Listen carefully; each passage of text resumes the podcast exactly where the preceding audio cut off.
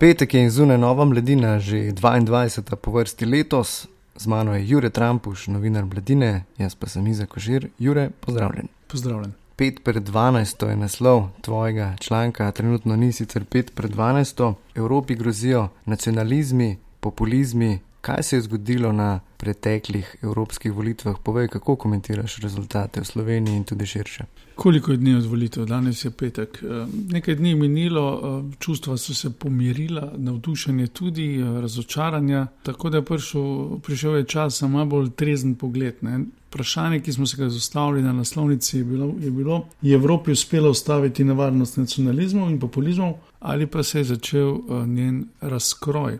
Evropski populisti so seveda v različnih strankah v Evropi dobili veliko glasov, ne, ne sicer toliko, kot se je napovedovalo, za zdaj ne bojo sestavili super tretje najmočne, najmočnejše evropske skupine, ne bojo prevzeli parlamenta, ne bojo prevzeli Evropske komisije, ampak mi smo se ukvarjali eh, predvsem s vprašanjem, kaj nam ta normalnost fašizmov, populizmov, radikalnih desničarjev govori o svetu, v katerem živimo.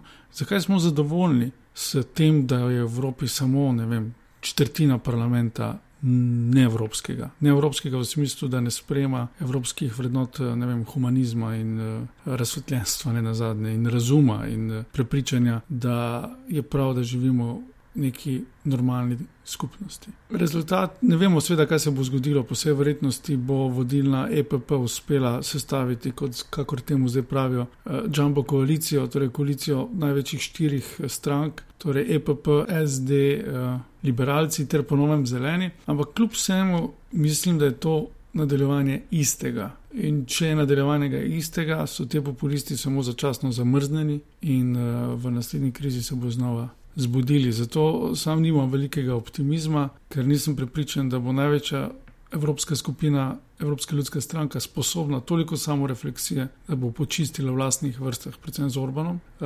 nasprotno, Orban je ravno včeraj sporočil, da se vrača v EPP in nič lepega se nam ne obeta. Torej. Orban se je mimo grede včeraj dobil eh, celo z Jordanom Petersonom, kanadskim psihologom v Budimpešti, kar je bilo. Malo ste govorili o problemu ženskih imigrantov ne, kot največji grožnji civilizacije nasploh in vesolja. Ne. V članku pa pišeš tudi o tem, da je ena od rešitev za Evropo ekopolitika. Lahko malo več o tem poveš. Mislim, ne ekopolitika, ekosocialna politika. Grožne z ekološkimi spremembami so seveda globalne, jih ne moremo reševati v naših vaseh, naših mestih, naših državah, lahko rešujemo samo v panevropskih multih eh, povezavah, kozmopolitskih. In Evropska unija je seveda tukaj eh, takšna povezava, ki lahko resno naslovi ta, ta problem. In naslovi se pa lahko samo z eh, radikalno spremembo res radikalno spremembo političnega in uh, ekonomskega reda. Zato so seveda potrebna leta, zato so potrebni tudi mogoče desetletja, ampak uh, v Sloveniji ne bomo ekoloških sprememb postavili, lahko jih ostavimo samo v Bruslu.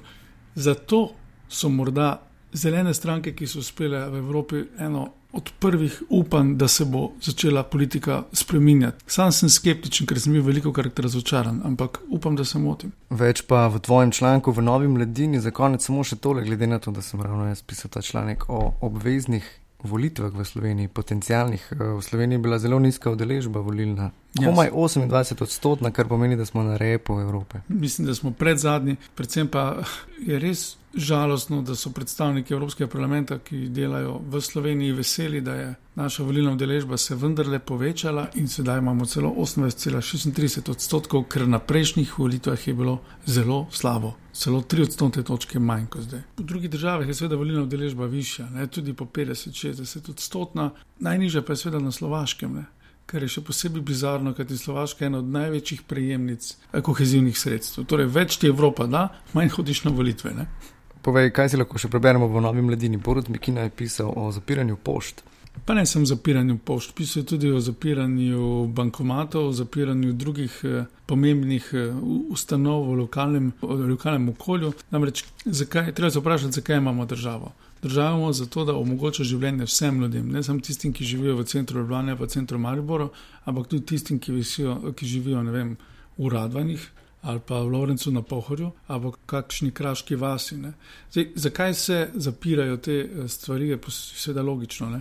pošto in druge več ne vodi javni interes, ampak jih vodi pač kapitalski interes. In če se jim ne splača imeti poslovalnice odprto, jo zaprejo. Najbolj vulgarno pri tem razmišljanju je šla enkrat OECD, ki je svetovala slovenskim, slovenskemu šolskemu ministrstvu, da naj zapre podružnične šole, ker se pač ne splačajo.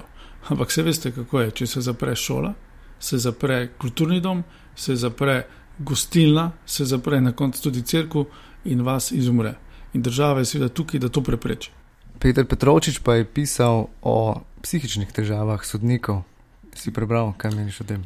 Mislim, da imamo vsi psihične težave, ne samo sodniki, včasih tudi kakšen novinar in o tem je treba eh, odkrito govoriti. Pa Marcelo Kino Otok, ki se bo kmalo odvil v Izoli, in pa o veganstvu kot milijardnem poslu. Mhm. -huh. Mesojedstvo je tudi milijardni posel, bi rekel. Imamo pa tudi intervju o tem, zakaj se je anticepilstvo kot ideologija razširilo in kaj to pove o nas. Hvala, Jure, več v novi mladini in pa tudi na spletni strani 3x2nv.mladina.si. To je to nasvidenje in lep vikend.